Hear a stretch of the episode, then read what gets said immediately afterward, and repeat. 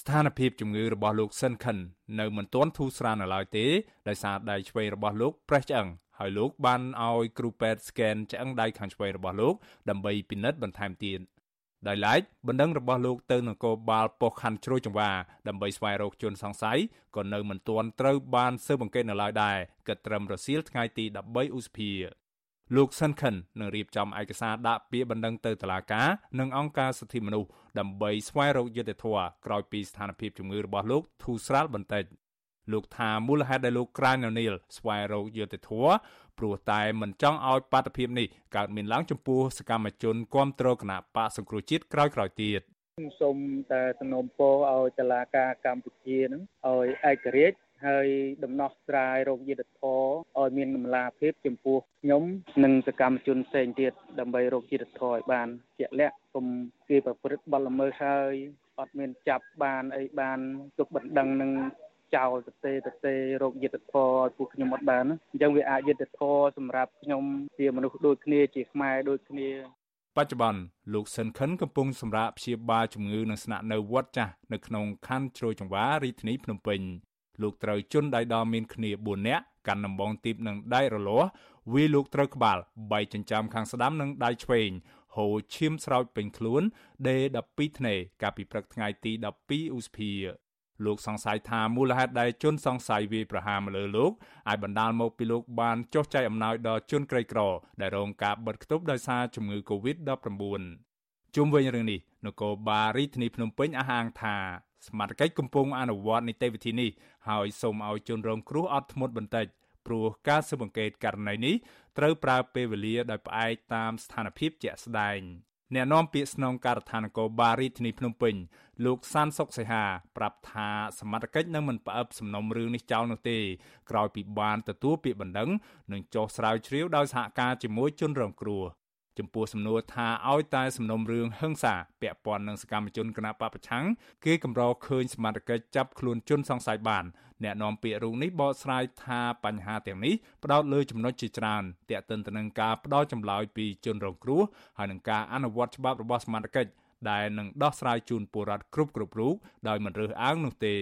ករណីអីក៏ដោយសូមឲ្យគាត់មានការអត់ធ្មត់សមត្ថកិច្ចយើងកំពុងតែអនុវត្តនីតិវិធីហើយមិនមែនមកព្រឹបព្រាមមួយថ្ងៃគាត់ចង់បានចេះមួយថ្ងៃគាត់ចង់បានចុះព្រាមទេមិនមែនប៉ូលីសអត់ធ្វើការណាសមត្ថកិច្ចយើងយើងធ្វើការរហូតឲ្យតែមានពាក្យបណ្ដឹងឲ្យតែមានការដឹងពីជារដ្ឋគឺយើងអនុវត្តយើងអត់មានតែទុកករណីស្អីមួយចោលទេអញ្ចឹងការងារនីតិវិធីរបស់សមត្ថកិច្ចគឺយើងធ្វើជាបន្តបន្ទាប់នាយករងទទួលបន្ទុកផ្នែកឃ្លាំមើលសិទ្ធិមនុស្សនៃអង្គការសិទ្ធិមនុស្សលីកាដូលោកអំសំអាត ពន្យល់ថាជនរងគ្រោះពឹងផ្អែកលើស្ថាប័នមានសមត្ថកិច្ចនិងតុលាការដើម្បីស្វែងរកយុត្តិធម៌ហើយស្ថាប័នទាំងនេះមានតួនាទីស្វែងរកដំណោះស្រាយដោយយុត្តិធម៌និងផ្ដល់សិទ្ធិស្មើភាពគ្នានៅចំពោះមុខច្បាប់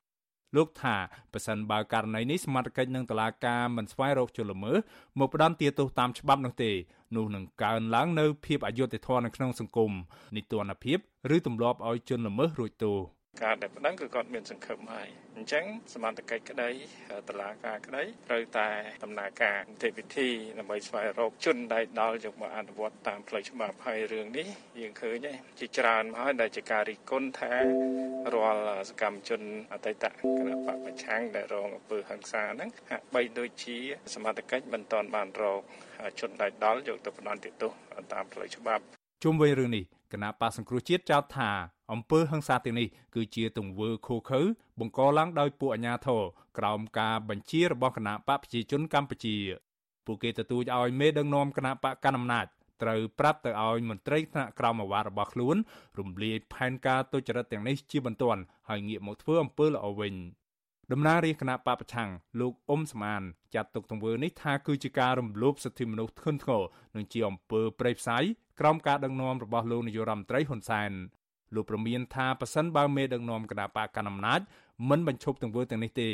នោះគណៈបកសង្គ្រោះជាតិនឹងប្តឹងទៅតុលាការព្រហ្មទណ្ឌអន្តរជាតិយើងក៏ជំរុញឲ្យសហគមន៍អន្តរជាតិដើម្បីដាក់សម្ពាធទៅលើរដ្ឋាភិបាលលោកហ៊ុនសែនហ្នឹងធ្វើម៉េចឲ្យមកឈប់លោបវាយទៅលើសកម្មជនគណៈបកសង្គ្រោះជាតិក្នុងបំណងបំបាក់ស្មារតីឬក៏ធ្វើទុកបុកម្នេញទៅដល់សកម្មជនគណៈបកសង្គ្រោះជាតិព្រោះនេះគឺជាការរំលោភសិទ្ធិមនុស្សដ៏ធ្ងន់ធ្ងរ ឆ្លើយតបនឹងរឿងនេះអ្នកនាំពាក្យគណៈបកប្រជាជនកម្ពុជាលោកសុកអេសានបកស្រាយថាគណៈបកកណ្ដាលអំណាចពុំបានចិញ្ចឹមឆ្កែកាច់ដោយការលើកឡើងនោះទេ គឺមានតែសមាជិករបស់រដ្ឋាភិបាល ជាអ្នកអនុវត្តច្បាប់ចំពោះអ្នកដែលប្រព្រឹត្តទង្វើល្មើសច្បាប់តែប៉ុណ្ណោះលោកច្រានចោលចំពោះការចាត់ប្រកាន់ថាអំពើហិង្សាទាំងនេះគឺជាផែនការរបស់គណៈបកកណ្ដាលអំណាច និងរដ្ឋាភិបាល ទៅចុះមកគេវាយខ្លួនឯងខ្លួនឯងអត់មានទៅសហការជាមួយសមត្ថកិច្ចឲ្យខ្លួនឯងចោទទៅប្រមុខរាជរដ្ឋាភិបាលទៅដេកចាំអាណាទៅរកឲ្យយើងណាវាអត់ត្រូវទេអានឹងអញ្ចឹងបានទៅថាឲ្យក្មួយក្មួយបើមានបញ្ហាអីកើតឡើងយើងត្រូវតែរាយការណ៍និងប្តឹងដល់សមត្ថកិច្ចដោយមានផ្ោះតាំងឬសាក់សីដឹងឮអានឹងយើងរួមចំណែកដើម្បីធ្វើការស្រាវជ្រាវយកអ្នកដែលប្រព្រឹត្តល្មើសនឹងយកមកឲ្យទទួលទោស មន្ត្រីសង្គមស៊ីវិលសង្កេតឃើញថាកិច្ចរហូតមកទល់ពេលនេះមានសកម្មជនគណបកប្រឆាំងនឹងក្រុមគ្រួសារសរុបប្រមាណ29នាក់ហើយត្រូវបានជន់មិនស្គាល់មុខប្រៅអំពើហិង្សានិងព្រួតគ្នាវាយធ្វើបាបរហូតដល់មានអ្នកខ្លះត្រូវពិការអស់មួយជីវិតក៏ប៉ុន្តែសមត្ថកិច្ចចាប់ជនសង្ស័យបានតែមួយករណីហើយជនសង្ស័យផ្សេងទៀតសមត្ថកិច្ចនៅមិនទាន់អាចចាប់ពួកគេយកមកផ្ដន់ទាទោសបាននៅឡើយទេ